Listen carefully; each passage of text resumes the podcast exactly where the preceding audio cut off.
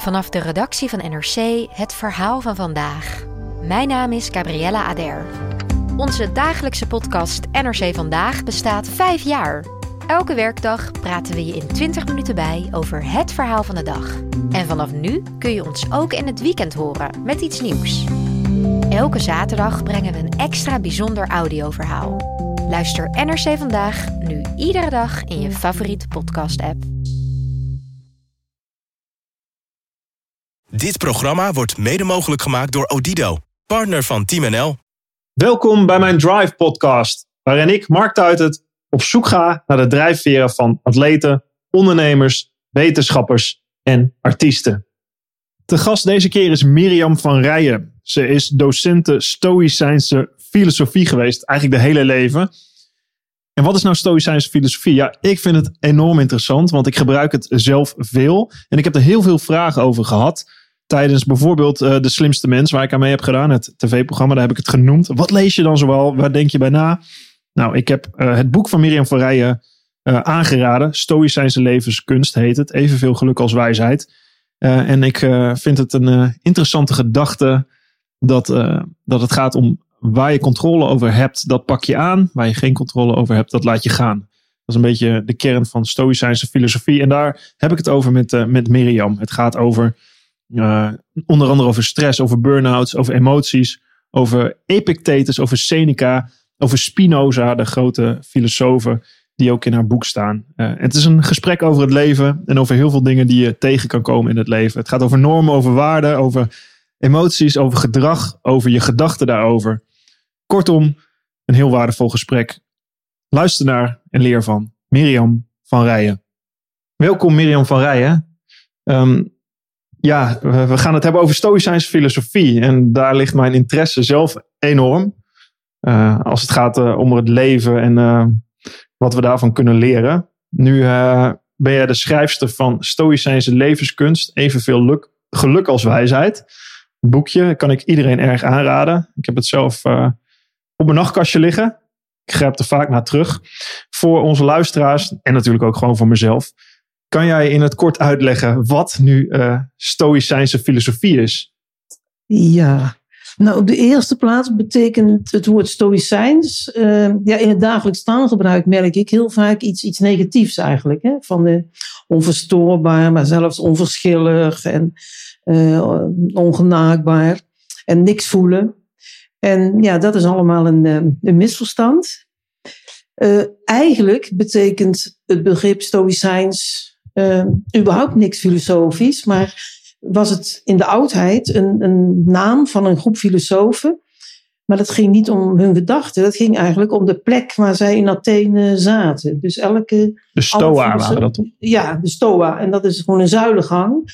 Dus eigenlijk alle filosofen in de oudheid, en dan heb ik het over zo'n paar honderd jaar voor het begin van onze jaartelling, die hadden in Athene zo hun plek. dus Epicurus, de genotzoeker, die had een tuin waar hij rondliep. Socrates uh, liep op de markt. En de Stoïcijnen, dat waren filosofen die zaten aan de rand van de markt, van de agora, uh, in een zuilengang. En het Griekse woord voor zuilengang is stoa. Dus dat waren gewoon de filosofen van de stoa. Maar dat zei dus alleen nog iets over die plek, maar niet mhm. over de inhoud van hun filosofie. Dat is dus pas nu eigenlijk of later gekomen. En ja, helaas uh, wordt dat begrip stoïcijns toch uh, door veel mensen uitgelegd als nogal uh, ja, ongevoelig. Of, dat is het dus niet. Wat is het dat wel? Is het in elk geval niet. Ehm, het heeft wel te maken met het, wat het, de inhoud dan van hun filosofie is. Die, die heeft wel te maken met het niet hebben van allerlei vervelende, lastige emoties. Maar wanneer je die niet hebt, en het filosofische eraan is dat je ze niet hoeft te hebben uh, door een bepaalde manier van denken. Mm -hmm. Dus dan kom je op het terrein van de filosofie. Uh, als je die vervelende emoties, zoals de jaloezie of, of woede of, of schuldgevoel niet hebt, dan komt er juist ruimte voor andere gevoelens, voor blijdschap of liefde, dankbaarheid. En dat is dus eigenlijk uh, stoïcijns. Ja, terwijl um, die gevoelens, dat, dan heb je het over de wereld van gevoel, van emoties. Terwijl als je het hebt over filosofie, uh, dat is toch heel rationeel? Ehm, Ja, Het is het bedenken ja. over hoe je je ja, gaat denken. voelen. Ja, het, het, eh, en dat is het idee van de Stoïcijnen, wat zij eh, ja, als eerste misschien wel in de geschiedenis van de filosofie eh, lieten zien. Dat de, de, de gevoelens, en met name eigenlijk ook de, de vervelende gevoelens, dat die altijd komen door je eigen denken. Dus er ligt een, een relatie tussen eh, voelen en denken. Ja, En, eigenlijk heeft het te maken met het feit, heel vaak, eh, zoals woede, verdriet en emoties, hebben wij het gevoel dat, dat dat kunnen wij niet controleren, dat overkomt ja, ons. precies. Ja, En daar Steken ze een stokje voor, toch? Ja, de Stoïcijnen. Ja, ja. Ze laten heel duidelijk zien van eh, het is een bepaalde manier van denken. En als je die gedachte gelooft, dan zit daar navenant een bepaald gevoel aan vast. Ja. En ehm, wil je dus van die emotie afkomen, dan is het eigenlijk zaak om je eigen denken eens een keer kritisch te bekijken en te veranderen. Ja, want ik, ik eh, vind een mooie quote in jouw boek. Daar staat: Een mens leidt niet aan de omstandigheden, maar aan zijn gedachten over die omstandigheden. Ja. Neem maar even iets heel simpels: het regent. Ja. Nou, eh, de een die eh, wordt daar chagrijnig van en die denkt, ja, dat komt door die regen. Ja. Maar een ander die is hartstikke blij. Ja, dat komt ook door die regen. Dus dat, dus dat kan niet. Dus je kunt, dat is een logica, dat Mhm. je, ik kan gewoon laten zien dat de verschillen tussen mensen in eenzelfde situatie, hoe zij zich voelen, dat dat niet te maken kan hebben eh, met die situatie zelf. Want dan zouden ze allemaal hetzelfde voelen. Het komt door hoe zij over die situatie denken. Ja, dus het is best wel eh, heel erg eh, op jezelf teruggeworpen. Ga- gaat het ook Ja. niet over, heel erg over controle hebben over je eigen gedachten? Of over met wat je gebeurt? Nee, dat speelt pas als je iets zou willen veranderen. Ja. Ehm, maar ehm, ja, heel veel eh, situaties waar jij iets over denkt en dus naar Mhm. verand wat voelt, dan hoef je verder, laat dat maar of zo. Dat, je hoeft niet alles eh, te veranderen. Eigenlijk is de, de idee van de Stoïcijnen dat als het klopt dat het gevoel komt door wat je zelf denkt, dan is er, eh, ja, dan is er hoop. Want als dat gevoel voor jou niet prettig is, of Mhm. niet bevalt, dan zou je kunnen proberen om het te veranderen. Dan, Ja. dan eh, komt het, eh, heb, krijg je het in, jezelf in de hand. Dus gevoelens overkomen je niet zomaar. Dat is eigenlijk de belangrijkste Ja. basisidee. Zolang als iemand denkt dat, je, dat die emotie vastzit aan de situatie, Ja. Dan is die daarmee ook overgeleverd aan die emotie. Want dan. En eigenlijk ja, slachtoffer van die emotie. Het komt door die regen. Eigenlijk ben je dan slachtoffer van die situatie. slachtoffer van, de, ja, Ja. van jouw denken. eh, van jouw denken over die situatie, niet van die situatie Ja. zelf. De, re, de, de regen kan bij jou niks. Ja, die maakt je nat, maar die kan je geen gevoel geven. Maar hoe jij denkt over die regen, daar zit een bepaald gevoel aan vast. Ja, ja, ik voel hier de, de filosoof hoor ik hier Ja. binnenkomen. Inderdaad, de redenatie, eh, die Het moet is- goed zijn. Het Het zijn de is, gedachten, filosofie is ja, denken. het is niet wat er gebeurt, het is de gedachte die je zelf over de gebeurtenis. over de gebeurtenis Ja. hebt, die die emotie veroorzaakt. Ehm, ik ben heel erg benieuwd, waarom speelt die Stoïcijnse filosofie zo'n grote rol in jouw leven? Waar komt dat vandaan? Waar is dat ontstaan? Eh, ja, omdat toen ik ehm, eh, filosofie ging studeren, dus in de jaren zestig in, in Nijmegen, en het eerste college wat ik dus kreeg en wat ik volgde, mijn eerste tentamen, dat ging over de Stoïcijnse filosofie, over de oudheid. En ja, toen was ik eigenlijk al meteen daardoor gegrepen. Ehm, vooral omdat ik ehm, eh, merkte dat dat eigenlijk was, eh, dat dat bij mij paste, dat ik zo eigenlijk ook dacht. Dus later heb ik dat bij Spinoza nog veel meer eh, gehad, dat ik echt eh, dacht van, hè, hè, één iemand op de wereld die er ooit is geweest die hetzelfde denkt als ik. Eh, dus die herkenning. Dat was Spinoza. Dat was Spinoza. Ook een Nederlander toevallig. Ja, ja, ja, en, eh, ja. Maar omdat hij nog strenger en, en nog meer filosofisch is dan de Stoïcijn was. Maar waar, waarom ontleende je daar zoveel eh, kracht uit? Waar, waar zat dat in? Want als je een jonge student bent, dit zijn misschien levensvragen, kan ik Ja. me voorstellen, waar je later in je leven op komt. Waarom was dat voor jou al op die leeftijd zo belangrijk? Ja, omdat ik eh, de, de, de, meteen eigenlijk daar de, de waarheid in zag. Ik dacht, ja, hè, hè, zo zit het, dat klopt. Mhm. dat, eh, en eh, omdat, eh, dat was zeker later bij Spinoza zo, maar ook, ja, dan, hè, hè, er zijn ook mensen die, al- ook al zijn ze, leven ze niet meer, maar er zijn Mhm. in elk geval ook mensen geweest die toch hetzelfde denken als ik. En Ja. dat had ik niet zo vaak meegemaakt. Dus het was echt een soort herkenning. Maar ook omdat het natuurlijk gewoon, dat ik dacht, ja, dit klopt. Dit, eh, deze gedachten kloppen. Maar hoe komt dat, even, komt dat uit je jeugd dan ook, dat je daar al mee bezig bent? Hoe ben, hoe ben je opgegroeid eigenlijk? Ik heb eigenlijk, zeg ik wel eens, het filosoferen van mijn moeder geleerd. Ja, wij praten heel veel, en, maar we hadden heel erg heftige discussies over. En ook wel om mm, de, de, de drive bij mij was eigenlijk wel dat ik mijzelf steeds moest verdedigen. Waarom? Dus ik moest argumenten vinden. Ja, voor mijn moeder was ik, eh, ja, ik was lastig, ik was vervelend. Ik, iedereen had verdriet van mij in de familie. Ik deed allerlei dingen eh, die zij niet wilde hebben of die niet mochten. Ik, ik accepteerde allerlei dingen niet, dus ik was nogal eh, lastig. Rebels. Ja, ja, ja. Waarom was dat? Ja, ik denk van de ene kant een hele sterke eh, drive had om, om eh, dingen te doen en, en om eh, mezelf ja, te realiseren. En, en daar werd tegelijkertijd nogal, ja, dat, dat was negatief. Hè? Dat waren, bijvoorbeeld film was zwaar verboden. Mhm. hè? Er was ook nooit televisie en zo. Dus, eh, maar ik, ik, wel, ik ging dan stiekem naar de film. Mhm. Want, eh, op school, de school was voor mij, de middelbare school, het paradijs. En later de kostschool nog veel meer. Toen ik eh, ouder was. Echte eh, kostschool. ja, Ja. bij de nonnen op kostschool. Want die waren, die waren eigenlijk vooruitstrevender dan mijn ouders. Eh, op de kostschool hadden we televisie, wat thuis zwaar verboden was. We gingen naar de Schouwburg. eh Ja. Ze hadden een bibliotheek met boeken die mijn ouders eh, ja, die, die niet deugden. Voor. Ja. Dus eigenlijk was voor mij de, ja, de kostschool en überhaupt ook al de middelbare school. Daar, eh, dat was voor mij Je eigen jeugd bij, bij je ouders was meer een keurslijf dan een kostschool.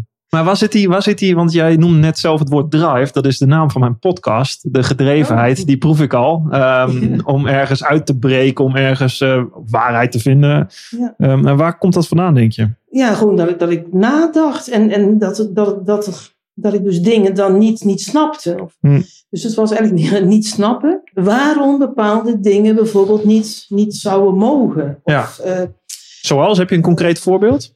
Ja, bijvoorbeeld, nou ja, toen ik echt een jaar of drie, vier was, het eerste wat ik me herinner, dat ik had een step gekregen. En eh, wij woonden in een, in een blok. Een rustige buurt natuurlijk nog. eh, de, de jaren, nou, Mhm. 1950 of zo. Ja. En ehm, eh, dan, dan zei mijn moeder dat ik met die step mocht ik tot de hoek. Maar ik dacht van, wat is dit eigenlijk voor onzin? Want als ik nou toch die hoek omga en zus zo, kom ik ook weer voor de deur uit. Ja. Op de stoep. Dus ik snapte gewoon dingen niet. Je snapt er de logica erachter niet. Nee, ik snapte dat niet. Dus dan, dan deed ik dat ook. Als je het niet snapte, deed je het ook niet. D- Dan deed ik nee, natuurlijk niet. nee, want ik zag daar de, ik zag niet in wat daar de, de reden voor was. Ja. En, ja, een ander voorbeeld. Toen heb ik wel geleerd, bij, bij met die step niet. Dat heb ik nooit gesnapt waarom dat. Ja. Maar een ander voorbeeld. eh, eh, toen ik een eerste vriendje had, en ik een jaar of 16 was. Maar die had dan weer een vriend en die vond ik ook leuk. Toen ging ik dus met die vriend ging ik ook eh, zoenen of zoiets. ja. En dat, die eerdere jongen, die maakte het dan uit. En Ja. dat snapte je ook niet. Nou ja, zo heb ik, uit ervaring heb ik wel geleerd dat een aantal zaken niet zo handig zijn. Ja. En verstandig. Maar wat er bij mij nooit is binnengekomen, niet, niet door mijn opvoeding en niet door eh, bepaalde ervaringen, het, het begrip eh, mogen. Iets niet mogen. Normen. Normen, normen, ja. Daar heb ik nooit, nog niet, dus dat is ook onderdeel van mijn filosofie Ja. dat, dat ik eh, alles wat met ethiek, moraal, normen Ja. te maken heeft, dat ik niet snap wat mensen bedoelen. Grappig, want dat vind ik eh, heel erg aan Stoïcijnse filosofie. En ik herken er wel iets in, in die zin. Ik herken een aantal dingen. eh, Discussie met mijn moeder, had ik ook heel veel. Mijn moeder was heel heftig in discussies. Dat snapte ik ook niet al- altijd. Overigens is ze, eh, was ze depressief. Eh, heeft ze later zelfmoord gepleegd. Omdat ze bepaalde dingen niet konden ac- kon accepteren. Verdriet niet kon verwerken. Wat mij heel erg ook aanzette tot denken van hoe kan dat? En waar ik heel veel kracht uit Stoïcijnse filosofie heb gehaald om ja, ik kon ook tegen mijn moeder zeggen van snap dit, snap dit dan. Dit is, hè, dit is jouw je deels hoe jij er naar kijkt. En zij kon het niet meer zien. En ook om haar te willen helpen. was- Oh ja, juist om haar te willen helpen. Ja. Maar ik, ik kwam er ook achter dat bij haar het niet werkte om te zeggen ja, eh, dit klopt niet. Uh, dit is hoe jij je voelt. Uh, zij kon daar niet meer bij, bij dat gevoel. Terwijl ze heel slim was. Ze kon, Ja, ja. Zij kon het zo beredeneren dat het voor haar wel klopte. Ja. Terwijl het was niet wat er gebeurde met haar. Een scheiding met mijn vader, een heel heftige situatie. Het was de, de, de manier waarop zij daarmee omging. Die haar, en dat was ook deels denk ik wel genetisch bepaald. Of dat zat al in haar, een beetje de, de zwartgalligheid misschien.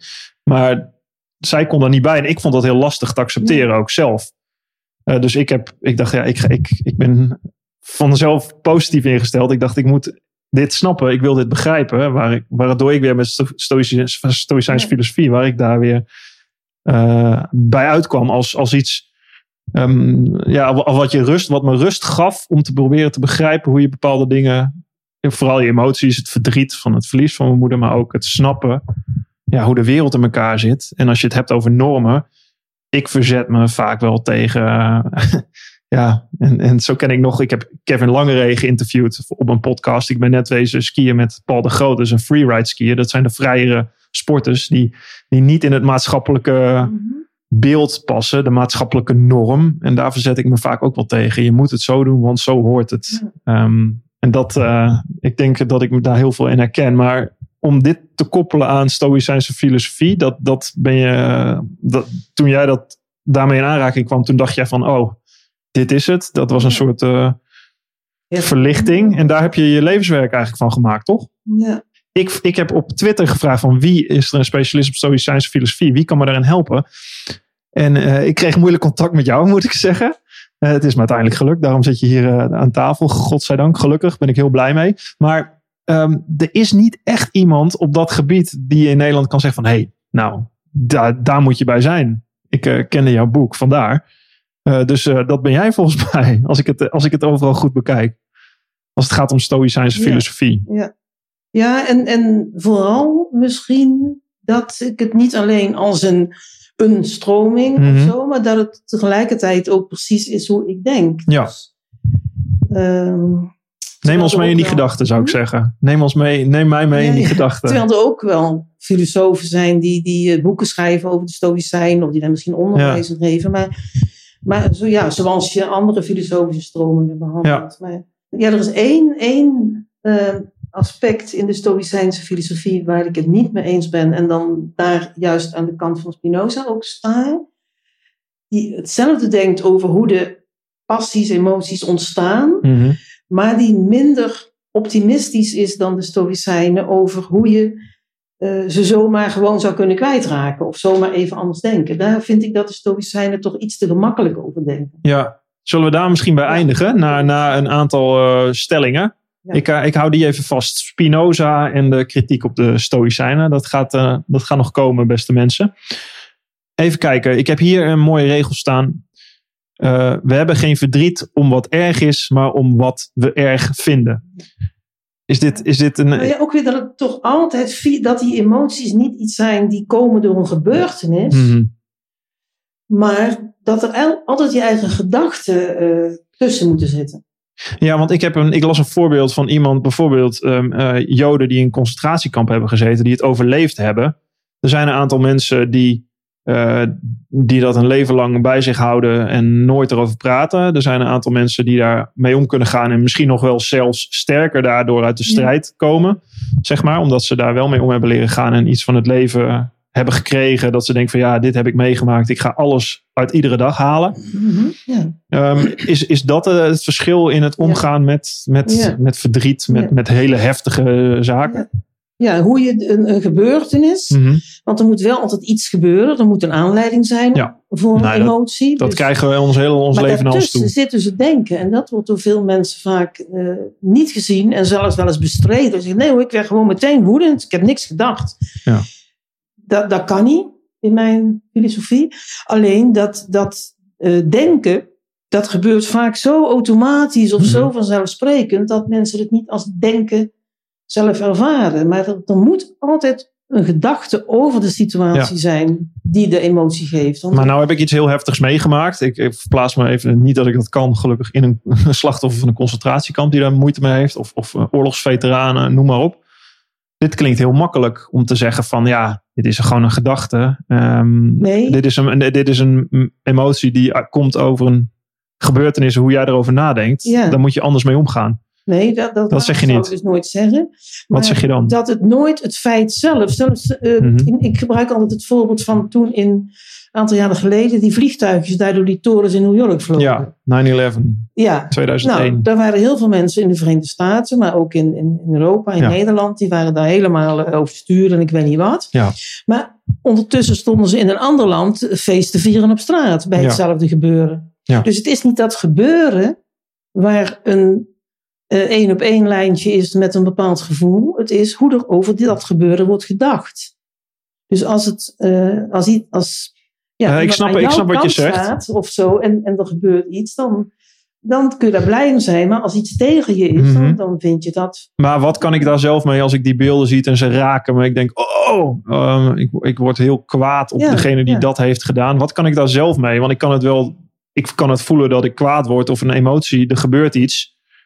Maar hoe, hoe kan ik daar zelf op reageren? Ja, dat is een, dat is een, eh, dat is een volgende stap. Ja. Maar welke emotie of jij krijgt, is afhankelijk van hoe jij daar qua eh, overtuiging, qua, qua geloof Ja. of qua eh, moraal of zo, waar je staat. Dus die gedachten eh, daarover, die bepalen ook de aard van je emotie. Als jij dat een, Ja. een verschrikkelijke misdaad vindt en dat hadden ze niet mogen doen, dan zul je Mhm. een heel ander gevoel hebben dan als je denkt van nee, dit is juist hartstikke goed, want ze moeten ook eh, die, die, eh, die Verenigde Staten iets, eh, iets schade toebrengen. Of, Ja. of- die, die staan voor een ideaal, die mensen, die geloven iets. Dus ik heb toen ook gepleit, soms wel eens, voor ja, snap eventjes voordat je daar kwaad om wordt of ik weet niet wat. Realiseer je wel even dat dat gebeurt omdat er mensen zijn die, die werkelijk een hele diepe overtuiging hebben, een groot geloof. Dus dan kunnen wij dan zeggen vanuit onze. Ja, je bedoelt die, die, die mensen die met een vliegtuig, terroristen ja. die doen dat Maar- uit om een overtuiging. Maar zij ja, geloven in iets wat voor hen het goede is. Ja, je zou ook zeggen, zij gaan zo ver voor wat hun Voor wat goed vinden. wat zij ja. goed Ja, vinden, ja, dat zij eh, gewoon zelfs Ja. bereid zijn. Dus dan wil ik het niet goed praten. Ja, nee. Maar ik, ik ja, vraag dan wel meer begrip voor dat, en dat is mijn mensbeeld ook, Ja. dat mensen alleen maar in staat zijn om iets te doen. Zeker om een ander iets aan te doen vanuit een, een positieve motivatie. Ja, terwijl wij dat als negatief ervaren natuurlijk. Want wij, Ja. zien, die, wij zien het verdriet, wij zien de Twin Ja, Towers. Wij, ja. wij denken vanuit ons eigen maatschappelijke construct. eigen, eh, eh, normen of mensbeeld of godsbeeld. Maar hoe kijk jij naar het nieuws dan, vraag ik me af. Want dit is toch dit is de hele dag aan de gang. Sterker, het wordt steeds erger met, met Facebook, met Twitter, met, met, met kop, koppen, die, koppen die klikken, koppen die eh, raken. eh, de, de wereld draait door. En, en dat moet een item zijn in een paar minuten waar meteen iets neergezet wordt. Ehm, dat blaast alleen maar op. En het hele midden verdwijnt. Het lijkt steeds meer naar de extreme kanten te verschuiven. Hoe, hoe kijk jij daar tegenaan? Als stoïcijn. Ja, dus op, op de eerste plaats dat ik daar zelf. eh, eh, dat kan ik dan wel heel erg vinden wat er gebeurt. Mhm. Maar eh, dat is iets anders dan dat meteen veroordelen Ja. alsof die ander slecht is. Terwijl ik denk, ja, wacht eventjes. Dat is voor ons slecht, want Mhm. wij hebben een andere opvatting. Maar het, is wel, en dat is dus meer een filosofische idee, aanname die ik heb. Het, eh, dat mensen alleen maar in staat zijn iets te doen wat werkelijk heel erg is voor anderen. Als ze daar toch op de een of andere manier positief Ja. zijn gemotiveerd. Ja. Ook in de Dus opvoeding. eigenlijk wat je zegt, je, je begrijpt, je zegt iets, je, wij vinden iets van iets wat we, wat we zien. Maar er zit zoveel meer achter eh, bij andere mensen waarom ze tot dit gedrag komen. En Ja, dat, willen, dat ja, begrijpen we niet. Ja. En daarmee wil ik het niet goed praten. Nee, nee, dat snap ik. En ik ben juist, juist eigenlijk voor hele harde Hm. maatregelen, ook, ook eh, bij kleinere dingen, om, om te, zoveel mogelijk te voorkomen dat, dat er allerlei erge dingen gebeuren met kinderen en met, met andere mensen. Maar ehm, tegelijkertijd ja, eh, hoef je ze niet moreel te veroordelen. Hm. Dus er is een verschil tussen mensen opsluiten of zorgen dat ze bepaalde zaken niet kunnen doen die voor anderen heel erg zijn. Maar ehm, eh, Ja, juist eigenlijk zeg je, als, jij, morele als, jij, als jij een crimineel een, een daad pleegt, eh, die moet gestraft worden, hard gestraft, moet naar de gevangenis. Want dat zijn de, dus niet gebruiken. het wordt, Zo nee, ver gaat het. Nee. Maar wel maatregelen nemen alsjeblieft. Zorgen dat hij de, gewoon nee levenslang ga naar de gevangenis. Ja, maar dit is, is dit niet meer een semantisch ding? Nee, want in het, in het begrip straf zit toch voor, naar mijn idee, dat je impliceert dat die ander iets heeft gedaan wat niet mag. Ja. En dat vind ik een onzinnig idee. Jij vindt het een onzinnig idee dat iemand Iets niet mag. iets niet mag. Nee, Maar iemand, dat- je mag iemand niet vermoorden, toch? Ja, maar wat, wat, wat, wat zeg je dan eigenlijk? Dat jij het niet wil hebben? Of dat als iemand het doet eh, en er staat in een bepaalde samenleving, eh, staat het in de wet dat dat niet mag? Of, dus eh, je hoeft, eh, ja, ik geloof niet in ethiek en moraal. Dat zijn Jij gelooft niet dat iemand vermoorden slecht is. Ehm, nee, dat is vervelend voor die ander en vervelend voor de andere mensen en ook vervelend voor die persoon zelf. Ja. Maar, ehm, ik haal dat uit. eh, kijk, vroeger werd ook ziekte en, en, en zo, werd nog als, als moreel, wat had iets met moraal te maken bij. Mhm. hè? Ja, hoe Dus- dan? Nou, dat, dat er eh, eh, mensen die bepaalde zaken deden, die werden gewoon als, als eh, slecht gezien. Ja. Terwijl waar we nu misschien van weten dat dat komt door, ja, dat kan ergens door komen dat ze een ziekte hebben. Of, of, dus ik, ik geloof niet in, in normatieve zaken, in ethiek en moraal. Dat is allemaal iets van ja, moeten en mogen. Ik geloof alleen maar in wat er gewoon stomweg is en wat er gebeurt en wat een oorzaak Maar hoe moet je omgaan met een moordenaar die, die een kind vermoordt? Noem maar iets Ja, die mag verschrikkelijks. je van mij levenslang opsluiten, zolang als dat risico er nog is. Ja. Ik ben daar heel hard, heel streng. Ik ben Ja. eigenlijk strenger, maar op een praktische manier, maar zonder moreel te veroordelen. Je sluit iemand op omdat om, te, om te het, zorgen, om te voorkomen dat hij nog, Dat hij het nog een keer doet. om dat te doen. om dat te doen. Ja, Maar niet omdat het slecht gedrag Nee. is. nee. Misschien meer zoals met ziekte, dan wou ik Ja. het al.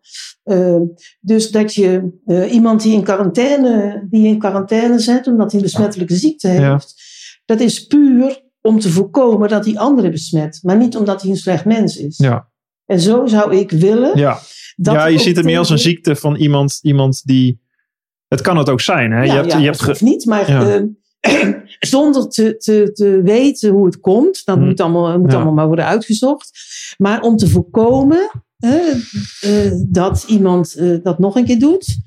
Dus dan ehm, eh, ben je gewoon rationeel en, Ja. en praktisch bezig om de maatregelen te nemen. Zoals we dat ook al gelukkig doen met iemand met een besmettelijke ziekte. Die gaat ook in quarantaine, Ja. maar zonder dat je er een. Ik vind het... ja, het Wat- gewoon wat- niet moreel Wat veroordelen. voegt dat toe? Maar wat Nee, voegt ja, dat moreel veroordelen toe? Bla bla. Nou, ik denk dat het een, eh, een genoegdoening is inderdaad voor je eigen gevoel. Om het, eh, Oh, om dat- het een plek te dat, geven. Of genoegdoening voor de slachtoffers, oké. Ja. Als je dat een als je dat zo nodig wil, of als afschrikwekkend voorbeeld, dat, dat Ja. zijn ook weer praktische zaken. ja. Maar ook dat kun je loskoppelen. Nee, van- jij, jij koppelt eigenlijk de praktijk los van de norm, los van het oordeel. ja, van ik dit geloof niet in normen. Volgens mij is dat bla bla. is, ja, ja. Dus ja, dan doe je een beroep op iets Mhm. wat, eh, en wat, wat, wat, waar je eigenlijk geen poot hebt om op te Ja. staan. Want iedereen kan wel roepen van ja, maar dit mag niet en dat Maar- mag niet. Wat is dan jouw advies ehm, over, eh, zeg maar, dat vind ik aan Stoïcijnse filosofie zo mooi. En ik vind het zeker een interessante discussie. Maar ik, om even verder te gaan, om te kijken wat we ermee kunnen. Wat zou jouw advies zijn om een goed leven te leiden? Een, een, een leven waarin je eh, doet, tenminste dat vind ik, doet, doet waar je, wat je waardevol vindt. Waar je gedreven voor bent, waar je voor wil gaan. Waar je alles uit je leven kan halen. Ik, ik, ik beschouw het leven als kort. Je, dat kan maar zo voorbij zijn. Eh, dat- en dat heb je niet zelf in de hand. Dus de tijd die je hebt, die moet je waardevol inzetten. Ehm, hoe, hoe kun je dat het beste doen? Hoe kun je Ja, dan het beste naar het leven kijken? Ja. Nou, zo, als iets wat je voor de tijd die je hebt en zo, hoe, en de mens die, die zo is zoals je bent, eh, eh, waar die het liefste zijn tijd aan besteedt, waar die blij van wordt, wat die. Maar denken wij, weet, weet je dat altijd? Hou je jezelf niet voor de gek. Wij denken allemaal, ik, ik ben kinderen, prachtig, eh, getrouwd, je wil een huis, eh, je wil misschien twee inkomens, je wil op vakantie, je wil een auto. Ja, dat, dat, kijk, eigenlijk is filosofie niks anders dan gewoon kritisch denken. Dus dat je ook bij de dingen die in jou opkomen, of die je denkt, of die je wilt, of zo, daar kun je ook wel eens eventjes eh, wat meer stilstaan bij, ja, maar wil ik dat echt? En wat zijn de consequenties? En is dit wel de moeite waard? Dus dat je heel bewust leeft. En, en ja, maar wel probeert zoveel mogelijk de dingen te realiseren die, ja, waarvan je echt denkt dat, dat dat voor jou belangrijk is, dat je daar blij van wordt. Wat zeggen de grote filosofen daarover? De, de Stoïcijnse filosofen, Seneca bijvoorbeeld, ik noem er eentje. Eh, ja, nee, ik dacht nog eventjes nog aan, Ja? aan, eh, aan Epictetus. Epictetus. Die, die, die, die een soort basiszin eigenlijk, naar mijn idee, heeft een soort advies Van ehm, eh, dat je je inzet voor de dingen. Dus dat je alles doet wat er in jouw vermogen ligt voor de dingen die jij graag wilt realiseren. En die je ook eh, goed vindt, waar je blij van wordt. En ook voor andere mensen. En dat je accepteert tegelijkertijd dat er ontzettend veel dingen zijn die je niet in de macht hebt. Ja. En dat is denk ik een soort de sleutel naar het eh, volledig actief zijn. Want het is een, een misverstand dat stoïcijnen tot niks doen of, of zo. eh, Apathie. apathie of, of ja, en Mhm. ni- ni- zich nergens druk over maken of niks doen. Nee, ze, ze, ze weten heel zuiver, en dat, dat is wat ik ook probeer, een onderscheid te maken tussen wat zijn nou de dingen die als ik zou willen, eh, waar ik ook iets in kan doen, Ja. wat, wat in mijn vermogen ligt, en wat zijn de dingen die buiten mijn vermogen liggen. Ja. Ook al vind ik het nog zo vervelend of, of erg. En ja, is heel dat je daar taakgericht. eigenlijk je, je handelen op afstemt. Heel taakgericht denk je. Ik ken het een beetje uit de sportpsychologie. Daarom vind ik dit ook een, eh, dank u Oh, eh, Epictetus, een, eh, een hele mooie zin wat je nu, nu net zegt. Omdat zo werkt het in sport ook als je wil presteren. Ehm, je kan je druk maken over wat de pers van je vindt of Ja. wat mensen van je Ja, vinden. Je ja. kan je druk maken wat je concurrenten doen. Ja. En dat vraagt ook iedereen. Iedereen probeert dat vuurtje op te stoken. Maar diep van binnen weet je dat het alleen maar geldt wat je zelf vindt en hoe je er zelf op reageert. Wat je zelf kan controleren. En dat is het enige waar je, als je in de spiegel kijkt voor zo'n wedstrijd, kan zeggen van daar heb ik alles aan gedaan. Precies. En de rest moet je proberen. Te laten meest, varen. eh, het meest eh, eh, effectieve gebruik van je energie. Ja. Dus eigenlijk alle energie die je steekt in wat je allemaal van andere mensen vindt en wat Ja. misschien en waar je.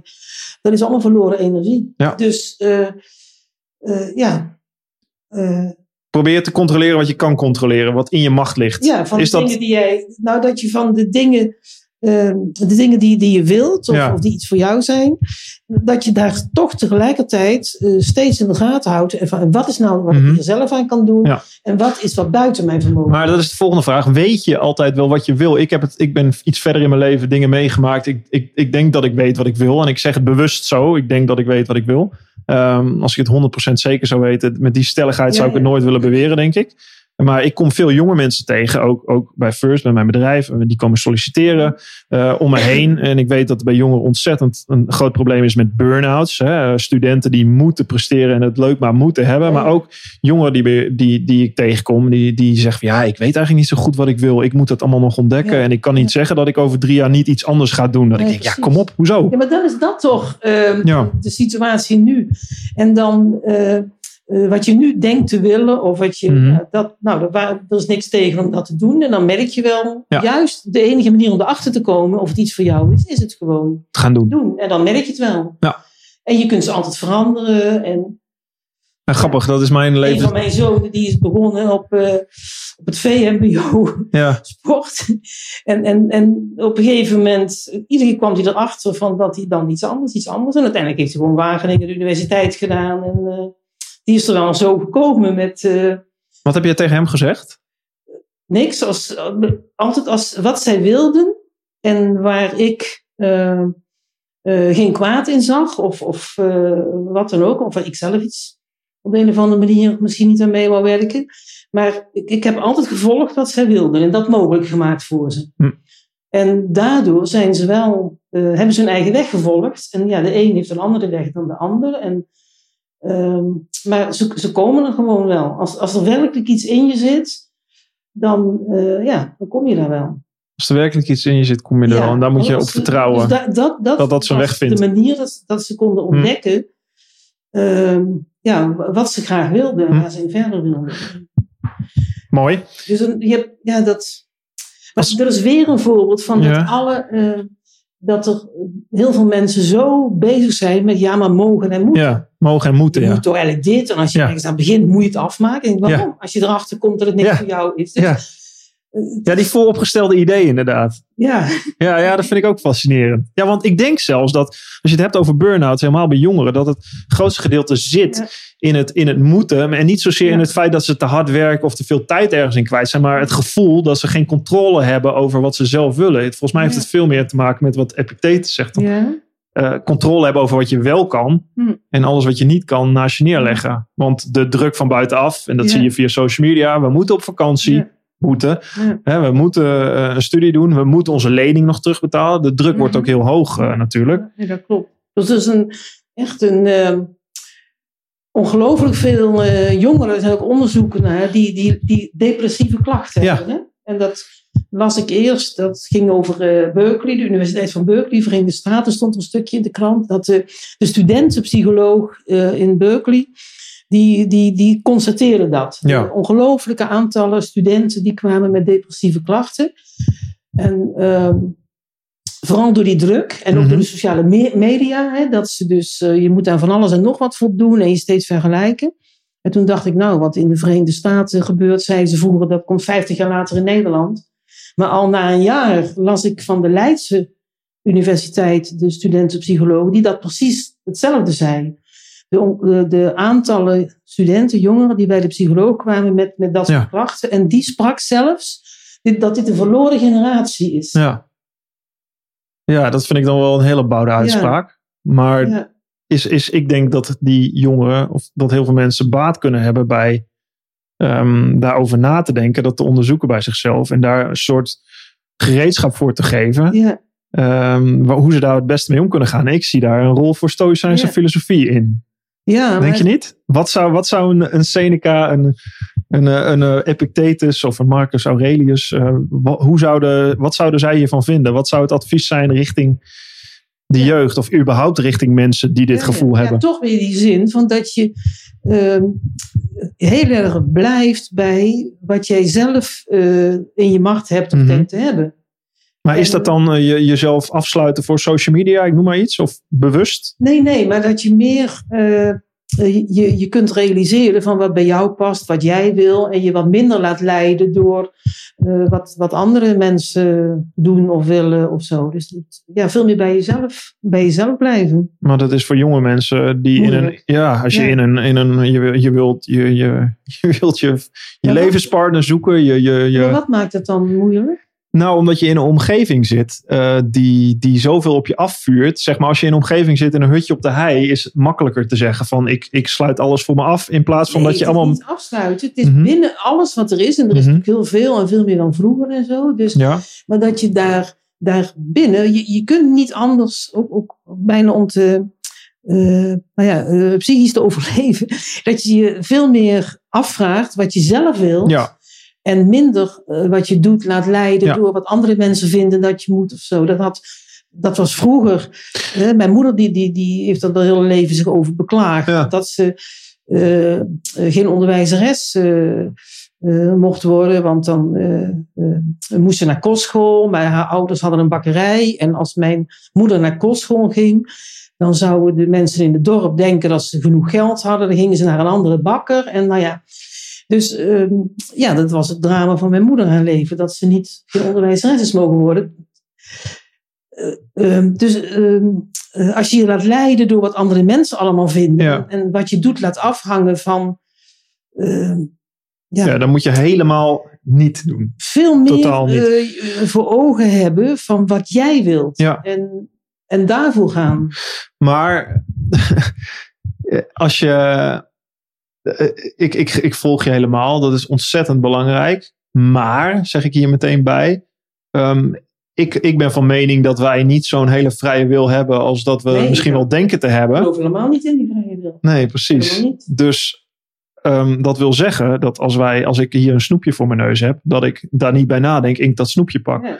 Eh, als er een telefoon in mijn zak zit eh, en ik heb Instagram geïnstalleerd, dan open ik die en dan ga ik daar naartoe. Dat is niet eens een bewuste keuze omdat ik per se wil. Dat is gewoon een soort automatisme in mijn gedrag wat, wat op me afkomt. eh, waar ik dus, als ik daar niet bewust weerstand tegen bied, als ik daar dus niet bewust van ben, maar me laat leiden door mijn eigen gedrag, dan ga ik dat doen. En ik Ja. denk dat dat voor jongeren of voor de huidige maatschappij, niet alleen voor jongeren hoor, ik denk ook voor heel veel mensen die, die, die struggelen met eh, werk, gezin, alles, alles, alle ballen in de lucht te houden.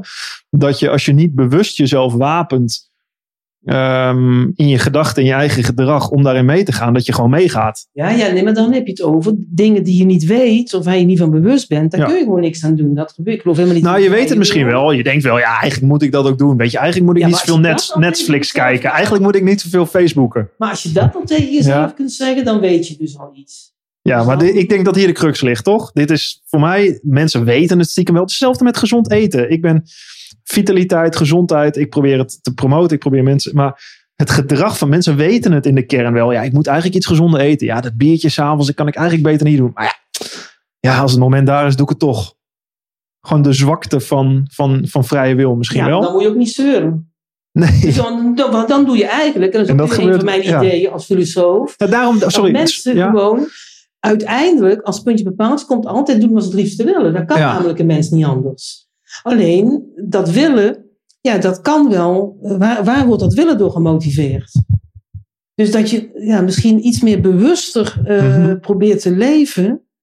Of bewuster probeert te zijn van, van wat, je, wat je werkelijk wilt. En waarom je de dingen wilt die je wilt. En waarom dingen niet wilt die je niet wilt. Dus Jezelf niet voor de gek houden. als je, als je bepaalde opvattingen hebt, kun je daar ook je gedrag eh, naar, naar richten. Ja, dus eigenlijk zeg je, ja, weet je, als jij dat, dat gezondere leven, of, of misschien, dat wordt ook vaak gezegd van mensen met een burn-out of jongen, van ze zeuren.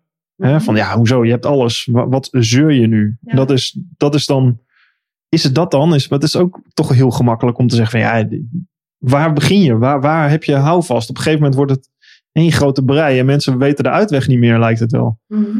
Dus om te zeggen, eh, ik, ik volg jou eh, om in het feit dat, eh, dat je daar zelf controle over moet hebben, bewustzijn voor moet creëren en over moet leren nadenken. En dat is ook precies de crux waar het vaak misgaat, denk ik. Toch dat mensen die tijd niet, niet nemen en, Nee, maar en, maar wel blijven zeuren van ja, het lukt niet. En dan is het gezeur. Ja. Ja. Is dat, Dan vinden ze toch kennelijk dat anderen iets anders belangrijker. ja. Ja, dat is dus gewoon eigenlijk, dit is, eigenlijk zeg je, dit is het gedrag wat je, wat je, wat ik, Ja. wat, wat je ziet, wat je doet. Ja, Dit is wat je zegt en daar zit gewoon een, precies. een discrepantie, daar zit een gat tussen. Inderdaad wel van... eh, daar heb ik al, al vroeger zelfs in, in een van mijn eerste boeken over geschreven. Dat, eh, ja, dat ik vooral eigenlijk filosofie probeer in te zetten tegen zeuren. Omdat dat zeuren, dat, daar, daar klopt iets niet aan. Dat is iets wat... Dat is niet eerlijk. Dat is niet. En, en dat, dat voelt dus ook niet, eh, niet goed. Als je gelooft van ja, maar eigenlijk zou ik dit wel willen. Maar ach, ik arme ik, ik, eh, ik doe dat niet. Of, Ja, Dus slachtofferrol. Ja, daar ben je dat- heel erg tegen. Ja. en dat is, ik probeer Amen. filosofie juist in te zetten in een cursus en zo tegen gezeur. Hm. Filosofie maakt een end aan al het gezeur. Hm. Dus word je bewust van wat je nou eigenlijk inderdaad wilt en, en Mhm. wat niet. En heel veel mensen die hangen daar toch een, een ander eh, verhaal op. Mhm. Terwijl in de praktijk, eh, dat, dat is mijn idee, de, de praktijk, die geeft uiteindelijk altijd aan wat iemand werkelijk wil. Hoe bedoel je dat? Dat als iemand zegt van ja, ik doe nou wel dit, maar ik zou liever dat, ja, daar klopt iets niet. Nee, eigenlijk zeg je van je, we, we moeten kennelijk- niet luisteren naar wat mensen zeggen. Je moet gewoon kijken naar wat ze doen. Nou ja, als daar een kloof is, of als ze Ja. zeggen dat ze iets anders willen dan ze doen, Ja. Dan gebruiken ze het woordje willen volgens mij op een Ja, eh, grappig. dus ik zou het, en dat blijkt Ja. ook in de praktijk. Ze zegt van ja, maar dat kan toch? Ja, nee, want ik zou dat wel willen, maar als ik genoeg geld had Ja. en als, ik, als er iemand meeging, Ja. ja, dan moet je ook niet zeuren. Ja, het is wel heel erg een filosofie die past bij ook ondernemers, vind ik. Maar ook bij topsporters. Die zo, ik, ik krijg vaak, weet je, als de jongeren vragen aan mij, als, ehm, dan vraag ik ze van, wat wil je worden? En als ze 12, 13 zijn, olympisch kampioen. Dat is top, Ja, ja, goed, ga er vol voor, mooi. En dat was stap één. Ja, dat is stap 1, het willen. Dat is prima, heel goed. Ja. Een grote droom, heel goed. Maar als ze later in een carrière, ik spreek ook wel eens 20, 21, 22-jarige talenten. En die zeggen, ja, weet je, wat wil je worden? Ja, olympisch kampioen, nog steeds. En dat is prima, maar. Als je dat wil worden en je wil het echt, Ja, zoals dan- je zegt, ja. dan moet je je gedrag eraan koppelen om Ja, dat te gaan precies. halen. Ja, dat klopt. En als je dat niet doet, hè, als je te veel chips eet, af en toe te veel bier drinkt met je vrienden, dan moet je gewoon niet zeggen dat je, dan kun je ook zeggen, ik word tiende van Nederland. En dat is prima. Ja. Dat is ook, ik, ik heb geen moreel oordeel over dat Olympisch kampioen beter is dan tiende van Nederland worden. Ja, voor mezelf vind ik dat Mhm. waardevoller, maar dat hoeft voor iemand anders niet te Ja. zijn. Nee, nee. En je kan wel denken dat het is, maar het hoeft niet zo te zijn. Als jij voldoening houdt uit tiende worden, ook goed. En dan kun je dat andere er ook bij blijven doen. Ja. Maar je moet niet het ene zeggen en, Nee, het, en het niet gaan doen. Er was één eh, psychologie in de jaren negentig, toen ik net terug in Nederland kwam en eh, heel veel eh, dat ik niet, niet werkte door omstandigheden buiten de deur. En ehm, heb ik heel veel gelezen en dat was toen kwam NLP, neurolinguistisch programmeren. Ja. Nou, ik vond dat fantastisch, want dat ging er inderdaad vanuit. Kijk, als jij iets, iets wil, Mhm, bijvoorbeeld je wilt een beroemde eh, concertpianist worden. mhm. Dan is de eerste stap vandaag dat je in het telefoonboek kijkt waar in de plaats waar je woont pianoles wordt gegeven. Ja, En als je dat niet doet, dan zul je nooit. Dus eh, dat je bewust bent van wat je wilt, maar Ja. tegelijkertijd ook dan ja, daar iets voor gaan doen. Ja. Want. En Maar, ja, dit dat- is, maar dat is wel dat is wel het lastige met een hele grote droom dat willen hebben. Ik, ik heb het ook. Ik, had, ik wil goud winnen of ik wil een succesvol bedrijf. Je moet ook ergens beginnen en gaan Ja. ontdekken van ja, is dit iets voor ja, mij? Precies, dat kan ook. Dat je, dat je als je begint, Ja. Maar je moet wel beginnen. Ja. Want als je niet begint, zul je het nooit worden. Nee. Dus, En dat is dan heb je die. En- apathie. En bij mij is doet. dat op, op een hele extreme Mhm. manier, denk ik. Dus, eh, zitten die twee dingen vanzelf aan elkaar vast. Dus, dat, eh, dus zo heb ik, ja, ik heb ook wel dingen gedaan in mijn leven daardoor Ja. die, eh, ja, die, die ethisch, of waar mensen iets van kunnen vinden. Maar, Zoals? Heb je een voorbeeld? nou, bijvoorbeeld toen ik wilde studeren. Mhm. Dat wist ik al vanaf eh, zo, zo lang als ik kon nadenken. Dus ik wilde studeren. En, eh, maar wat ik allemaal niet wist, was eh, in, in de jaren 50 zo van hoe dat allemaal precies werkte. Dus toen ben ik naar de MMS gegaan, hebben mijn ouders meegestuurd. En eigenlijk kwam ik er op de MMS achter dat ik filosofie wilde studeren, Mhm. dankzij mijn leraar Frans. Die vertelde over het existentialisme. Dacht, oh, als dat filosofie is, wil ik filosofie studeren. Maar toen kwam ik van die MMS af en die gaf geen toegang tot de universiteit. Maar dat wist ik dus niet. eh. nou, toen ben ik naar de kweekschool gegaan. Ik dacht, dan ben ik in elk geval weer twee jaar onder de pan. En bovendien kon ik op kostschool, dat ik thuis weg was in elk geval. Dat was een groot goed. En eh, daarna, eh, nou ja, toen was ik nog pas 19, toen Mhm. in die kweekschool. En ik mocht nog steeds, want toen ben je pas met 21 meerderjarig. Mhm. Ik mocht van mijn ouders nog steeds niet naar de grote stad om te studeren. Dus toen heb ik gezorgd dat ik zwanger werd. En omdat ik zwanger was, maar minderjarig voor de wet nog, eh, ja, gaven zij toestemming tot het burgerlijk huwelijk. Wat ze anders nooit zouden hebben gedaan. Maar ja, ongetrouwd zwanger was nog net ietsje erger dan getrouwd zwanger. Dus hebben ze wel getekend. Ze waren er niet bij, maar ze hebben getekend. Dus ik kon naar het stadhuis. Toen ik 19 was, om te trouwen. Daardoor werd ik meerderjarig. En kon ik dus meteen, daar heb ik ze nooit meer gezien. Toen kon ik weg. Toen kon ik naar Nijmegen en gaan studeren. Jee. Dus ik ging zwanger naar Nijmegen. Eh, Nooit spijt van gehad? Nee. Nee, dat, Ik, moest, eh, ik stond voor de klas, want dankzij de kweekschool kon ik mijn geld, want ik Mhm. kreeg een beurs, want ik had niet de goede vooropleiding voor de universiteit. Maar je kon gelukkig in de jaren 60, 70, iedereen kon elke studie doen die je wou. Had je nog geen enkele toegangseis voor. Alleen voor het kandidaatsexamen moest Mhm, je een mhm. eh, eh, gymnasium hebben. Dat Mhm. had ik niet, maar ik ging het avondgymnasium vier avonden van de week Mhm. of drie.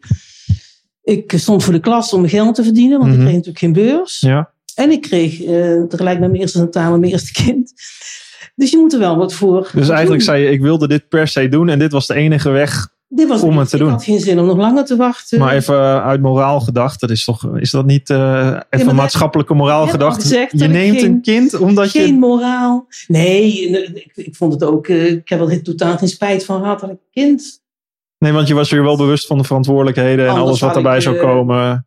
Als ze mij gewoon hadden laten Ja. gaan studeren, had ik misschien ook wel eh, al in mijn eerste of tweede jaar een kind gehad of zo. Dat, Ja, ja, ja. Daar had ik niks, eh, niks tegen. Nee, nee. Maar ehm, ja, ik ben misschien een beetje een extreem voorbeeld. Maar als je iets wilt, ik, ik Mhm. begrijp niet dat mensen die zeggen iets te willen, Ja. daar niet tegelijkertijd de stappen voor zetten om het ook te realiseren. Ja. Dan denk ik, dan is er iets met dat willen, dan moet je dit geen willen noemen. Nee, precies. Dan moet je het gewoon geen willen noemen. ik zou het wel willen als, Ja, als alles toevallig als net- dit, dat, als het makkelijker was, was het... eh, Hey, ik heb eh, Ja. gelezen dat ehm, over een andere filosoof eh, gesproken. Ehm, eh, Mandela, toen hij in Oh. zijn, op het Robbeneiland zat, dan heeft hij heel veel, eh, eh, ehm, eigenlijk het hele boekje doorgelezen. Marcus Aurelius, de meditaties. Hm. Wordt gezien als een van de meest wijze staatslieden ooit op deze wereld. Omdat, omdat hij ook compassie en begrip kan opbrengen voor zijn tegenstanders. Ja. Dat vond ik echt fascinerend. Dat hem, dus ook in de sport wordt hij, nou, overal wordt hij aangehaald. Mandela, natuurlijk een held. Dat hij de wijsheid haalt, deels uit zijn eigen leven, maar ook uit Hm. de Stoïcijnse filosofie om, om te Hm. gebruiken. Is dat het ook niet meer? m- meer? Gewoon de, de wij, er zit zoveel wijsheid in over het leven ja. om goed toe te passen. Ja, ja. Ja, de, de basis, de kern is nog steeds dat je, eh, je heel goed realiseert het, het verschil, het onderscheid tussen de dingen die wel en die niet in jouw macht liggen Ja. als mens. Dat, dat is eigenlijk de basis. En dat je dan geen energie steekt, dus ook Mhm. in, in, in het kader van behoud van energie, eh, dat je dus geen energie steekt in dingen waarvan je Ja. weet dat ze niet in je macht liggen. En het is eigenlijk een hele simpele filosofie. Want ik, ik, het staat ook in jouw boekje. Het gaat niet om de zin van het leven, maar om de zin in, het, leven. Ja, ja. Dat is een cruciaal verschil. Want dat steekt mij een beetje. Ik heb natuurlijk ook meer gelezen en me verdiept in, in, in filosofie. Wat mij heel vaak stoort eraan. En ik heb ook wel over filosofie nagedacht vroeger. Wil ik dat niet gaan studeren? Wil ik niet gaan doen? Dat op een gegeven moment gaat het om. Je kan tot een bepaalde manier denken. En je kan blijven doordenken. En op een gegeven moment ben je aan het redeneren om het redeneren. ja, ja. Wat me heel erg tegenstaat. Ik vind juist de praktische kant. Hè, je kan heel erg nadenken en filosoferen. En in de zon in kijken over de zin van het leven. Maar ja, die is er niet, naar mijn mening. Nee. Eh, het gaat erom inderdaad zin in het het leven. leven, Vond ik een hele mooie quote. Gewoon het praktische, toepasbare, dagelijks. Ja. eh, wat, je, wat je kan Ja. meenemen. Dus dat kun je meenemen uit- de Stoïcijnse filosofie dus. Dagelijks. Controleer wat je kan controleren. Wat je niet kan controleren, zet het na, naast je neer. Loslaten, ja. Niet zeuren, Niet zeuren. heb ik gehoord. Ja.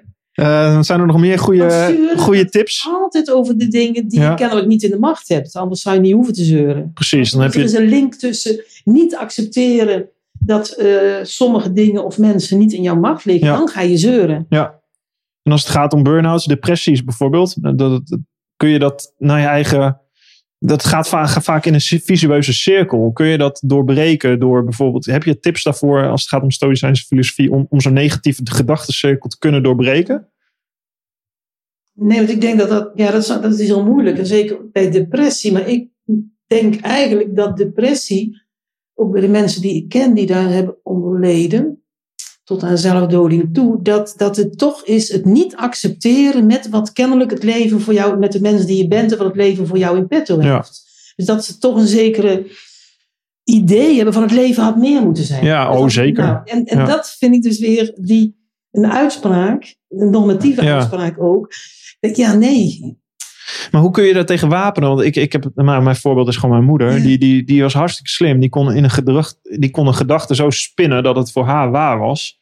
En de, dat was haar waarheid. Ja. Gewoon dat het leven zo loopt. En dat er voor haar, ja, dat, dat er geen uitweg meer was eigenlijk. Ja, Dus zij kon dat niet meer op een of andere manier. Ehm, en dat is heel erg zonde. ja, ja. Ehm, ja, dat, ik heb altijd. Daar zit ook een deels gevoel in. Dat je als je bepaalde dingen niet meer, niet meer kan voelen. Ik had altijd mijn moeder om een voorbeeld. Het is heel persoonlijk dit. Maar als je. Mijn, mijn, mijn dochtertje. eh, werd geboren. En zij kon dat eigenlijk. Zij wist dat. Rationeel kon ze begrijpen. Nou, dat is heel bijzonder. Maar ze kon het niet meer voelen. En Mhm. juist omdat ze het niet meer kon voelen. Werd, werd, dat, werd die kloof nog veel erger. Zij wist Mhm. dat ze het niet kon voelen. Ja, wat heeft het leven voor zin? Als je die emoties. die zo belangrijk zijn. die we allemaal tegenkomen. niet meer kan voelen. Ehm, volgens mij zit het. Dat, dat is het. ja. Dat is wat ik met, Ja. met haar heel erg heb gezien. En, en ik denk dat je deels je daardoor kan wapenen in, in gedachten. eh, door dat proberen te beredeneren. Maar wat als je dat niet meer kan? Is, is, is er dan ook een, ergens een uitweg in Nee, stoïcijn? want misschien, of ik, ik denk wel dat er, eh, dat er ook eh, vormen van depressie zijn. die misschien inderdaad te maken hebben Ja. met, met iets in de hersenen. Ja, ja, oh zeker. En dan het is gewoon een hoop ziekte. ik alleen maar dat, daar, dat dat ontdekt wordt en dat er Ja. iets tegen te doen is. Maar in de oudheid dachten Ja. mensen toch nog altijd, de, de, de Grieken, die dachten echt dat je dat depressie, en dat is misschien dan een andere een variant of een andere, dat, dat depressie toch ook te maken heeft Mhm. met, je- met je eigen manier van denken. En met het eigenlijk, zou ik dat noemen, een, een eh, te hoog, eh, eh, toch weer een soort normatieve gedachte, Ja. dat het leven voor jou toch eigenlijk het leven meer had moeten zijn dan het Ja. is. Ja. Dus het niet kunnen accepteren wat het leven voor jou in Nee. petto heeft. Gewoon niet meer kunnen genieten van de dag. En de- daarom kun je niet meer genieten. Want dat je je tekort, ja, Ja. Dat, eh, Is dan niet de enige kritiek op Stoïcijnse filosofie die ik me kan eh, voorstellen, is dat, ehm, hè, dat, dat, dat je zou kunnen zeggen, ja, dat is, die kritiek zou je kunnen zeggen, ja, jij hebt dit meegemaakt, dat is, voor jou is het gemakkelijk om dit te zeggen. Je bent hier, je zet, ziet het vanuit een oogpunt van, vanaf een top van een berg. Je hebt rijkdom, je hebt eh, gezondheid. Je hebt, Ja, dat, dat buitenperspectief Ja. is natuurlijk inderdaad gewoon eh, makkelijk. stel ik heb niks, ik voel me ellendig. Ja, ja, ja, ja ik kan leuk eh, redeneren over stoïcijnse filosofie, Mark duidt het. Je hebt alles prima voor elkaar. Allemaal leuk en aardig. Maar eh, ik zit hier beneden in de put en ik zie hem even niet. Ik heb dat zelf aan de lijve meegemaakt bij mijn eh, man, waar ik nog altijd mee getrouwd ben, maar een Nicaraguaanse man. Dus ik heb zes jaar in, tijdens de oorlog in Nicaragua gezeten. En hij was dus zo'n eh, guerrilla-strijder. Ja, En daar zijn ook mijn twee jonge kinderen geboren. Maar die, toen, toen, toen werden de verkiezingen verloren. Dus in die tijd dat ik er woonde, was ook on- onze partij of zijn partij aan de macht. Maar toen werden de verkiezingen verloren. Na die zes jaar, toen wilde hij niet meer in zijn eigen land blijven. En zijn we dus naar Nederland gekomen. Mhm. Maar daar is hij binnen de kortste keren ontzettend depressief geworden. Hij had zo'n laag zelfbeeld en, en hij was alles kwijt. En ja, dat heb ik gewoon ook niet gered. Ik Ja. kon hem niet eh, helpen. je kon hem dat niet uittrekken. Dus hij is op een gegeven moment eh, teruggegaan. En daarna heb ik hem, eh, ja, we hebben nog wel contact, maar ik heb hem nou meer dan twintig jaar niet gezien. Maar welke emotie had jij daarbij dan? Vond je dat lastig? Of is het... Nou ja, die, die machteloosheid eigenlijk. Ja, die herken ik. Maar ja, tegelijkertijd snapte ik dat ook wel weer. Dat hij vanuit zijn voorgeschiedenis eh, zich in Nederland doodongelukkig voelde. Had een Ja. heel laag eh, zelfbeeld. Eh, toen ik hem leerde kennen kon hij niet, eh, niet schrijven, alleen lezen en zo. Dus dat heeft hij toen pas geleerd. Maar ehm, ja, hij had gewoon... en zeker in Nederland had hij daar veel last van. Dat hij als buitenlander... En hij was schoenmaker, Mhm. handwerksman. Ik snap dat je je beredeneert waarom het gebeurd is, maar wat heeft het voor had het, was je daar niet kwaad of verdrietig of was het pijnlijk? Ik, voor mij. Ja, wat, voor nou ja, verdrietig. Maar ehm, dat ik hem niet kon helpen. Ja, Dus ik heb toen gemerkt hoe als iemand werkelijk eh, ja, zo'n laag zelfbeeld heeft Ja. of, of eh, depressief is, dat daar praten, dat dat niet helpt. Dus maar dat is- voelt machteloos, toch? ja, dat is, ja, dat is machteloosheid. Maar ja, goed, dat, dat, ik heb het geprobeerd, maar het kan niet. Dus dat accepteer ik dan. Je accepteert die machteloosheid. Van, ja, ja, want ik heb het geprobeerd. Ik snap tegelijkertijd dat dat, eh, dat, dat een te... Ja, dat Maar kun je de deur uitstappen de volgende dag en het zonnetje schijnt en denk, nou ja, ik heb het geprobeerd. Ik ga weer lekker verder. Nou ja, ik heb er in elk geval geen schuldgevoel over of zo. Of, of eh, het is jammer, maar ik accepteer dat er zaken zijn of, of dat er iets met mensen is wat ik niet zomaar in Ja. mijn macht heb om dat te veranderen. Heb je wel eens wakker, eh, lig je wel eens wakker ergens Ik, van? lig, eh, ik slaap niet zoveel, maar wakker liggen doe ik ook niet. Nee? Nee. Niet eh, met gedachtenspinsels Met of malen, met nee, piekeren. Nee, nee, nee.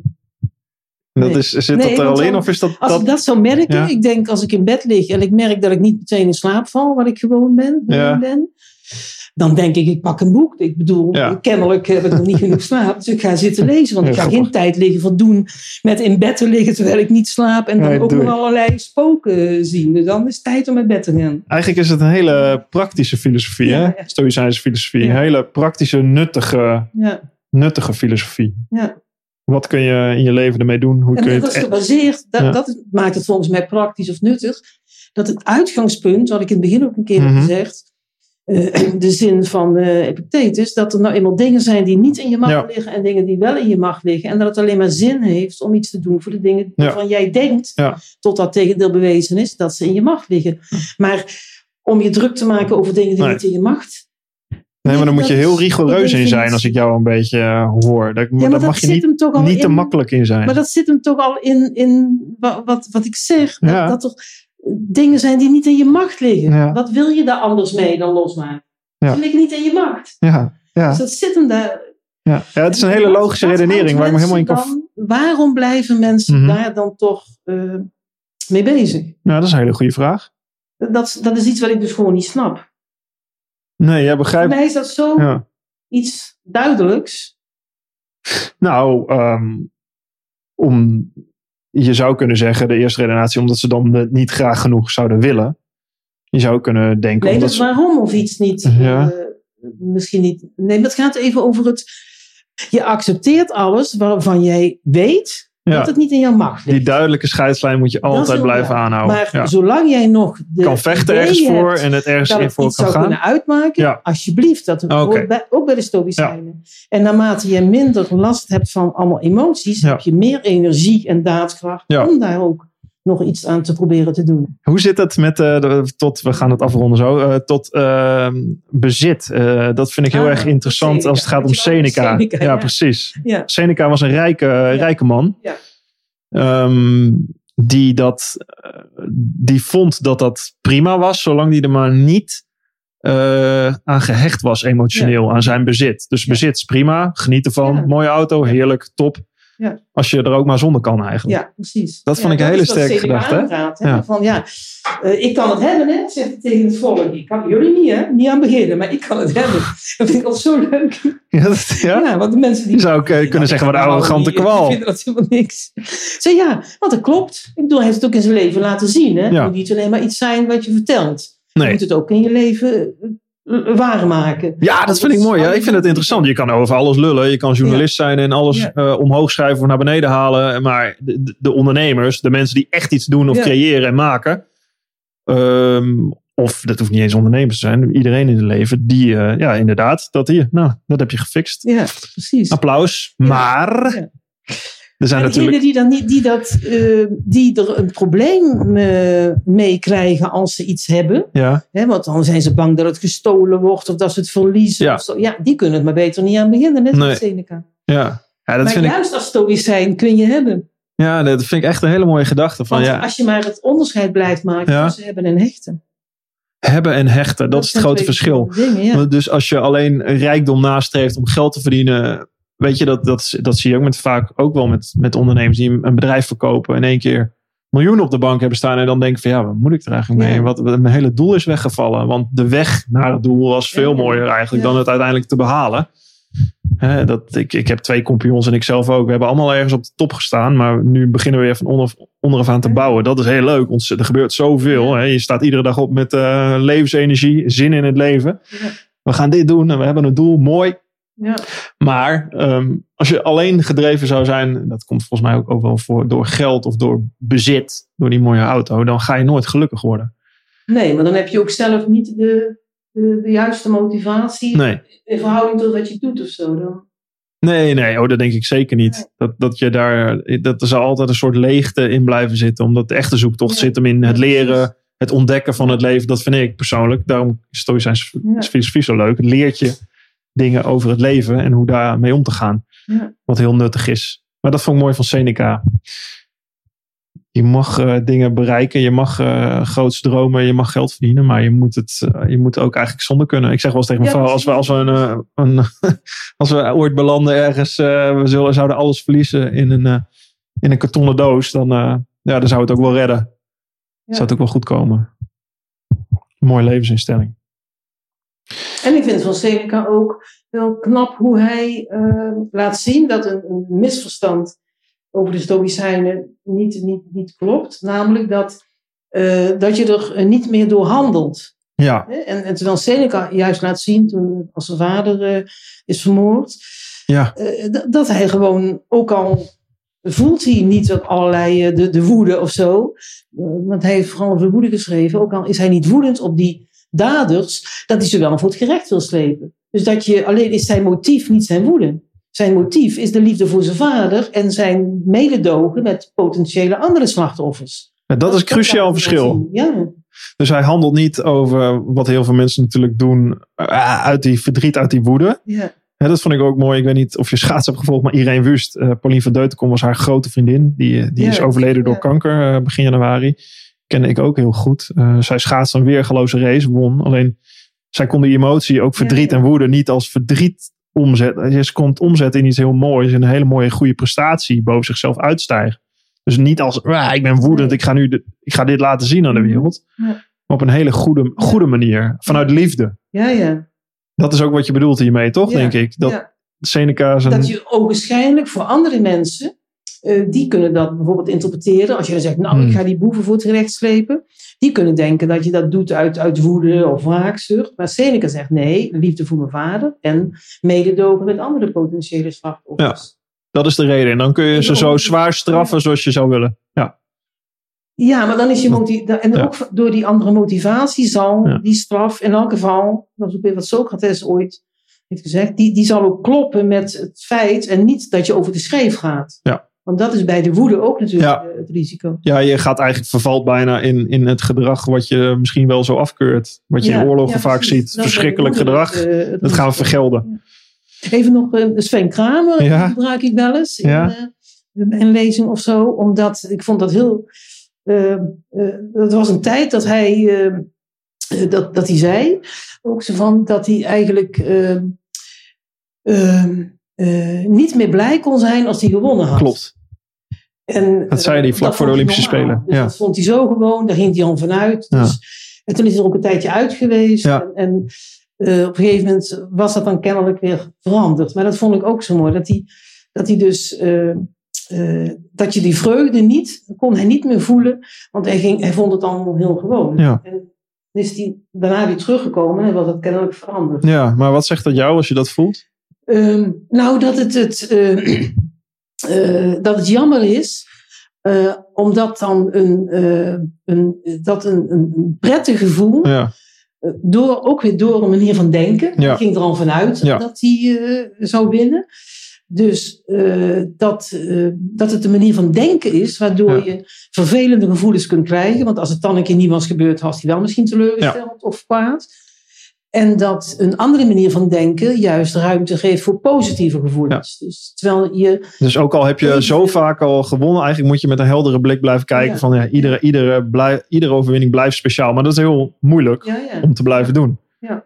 En daar moet je moeite voor doen. Maar dat ook dus je eigen denken het is wat ervoor zorgt dat je al of niet een bepaalde emotie krijgt of kunt krijgen. En of dat ook de, de adequate emotie is. Dus dat het, het denken. eh, Ja, dat emoties niet iets van voelen alleen maar is. Het is de oorzaak is steeds Ja. denken. het is niet gewoon het gevoel. Het- je kan het met denken sturen.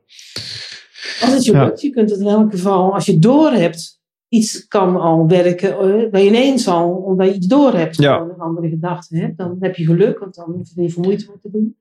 Nog Als het ja, meer moeite kost, dan zul je wat Ja, hele, hele mooie materie dit. Nog één om af te ronden.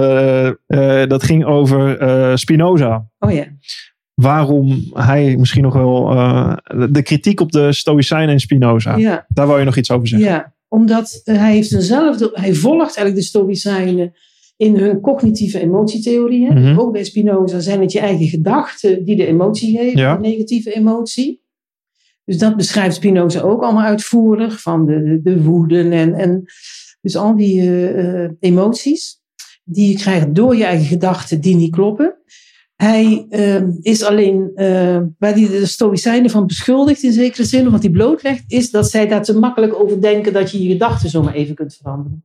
Ja. Dus Spinoza heeft veel meer oog voor dat die gedachten, eh, waarmee je bent opgevoed en, en, en eh, die je zelf ook al lang gelooft, en dat, die, dat je die zomaar even kunt veranderen. Terwijl die Stoïcijnen hebben van, ja, gewoon even anders denken en weg, hè. Hoezo kwaad? Gewoon even anders denken, dan is het weg. En, dus dat, dat bekritiseert hij. Nou, dat Dus eh, hij heeft veel meer oog voor het eh, ja, gegevens. eh, Wat zegt hij daarover dan? Dat je, hoe, hoe kun je dat dat... dat een, een, een job of hell is. Of zo. Dat is gewoon een levenswerk. Dat, het echt een... eh, eh, ja, dat, dat je daar werkelijk moeite voor moet doen. Ja, dat is, dat is de crux. Mooi om mee af te sluiten ook. Ja. Dat je moeite moet doen Ja. om je eigen gedachten... Want Ja. een vrije wil is inderdaad... Ja. Misschien is die er wel helemaal niet.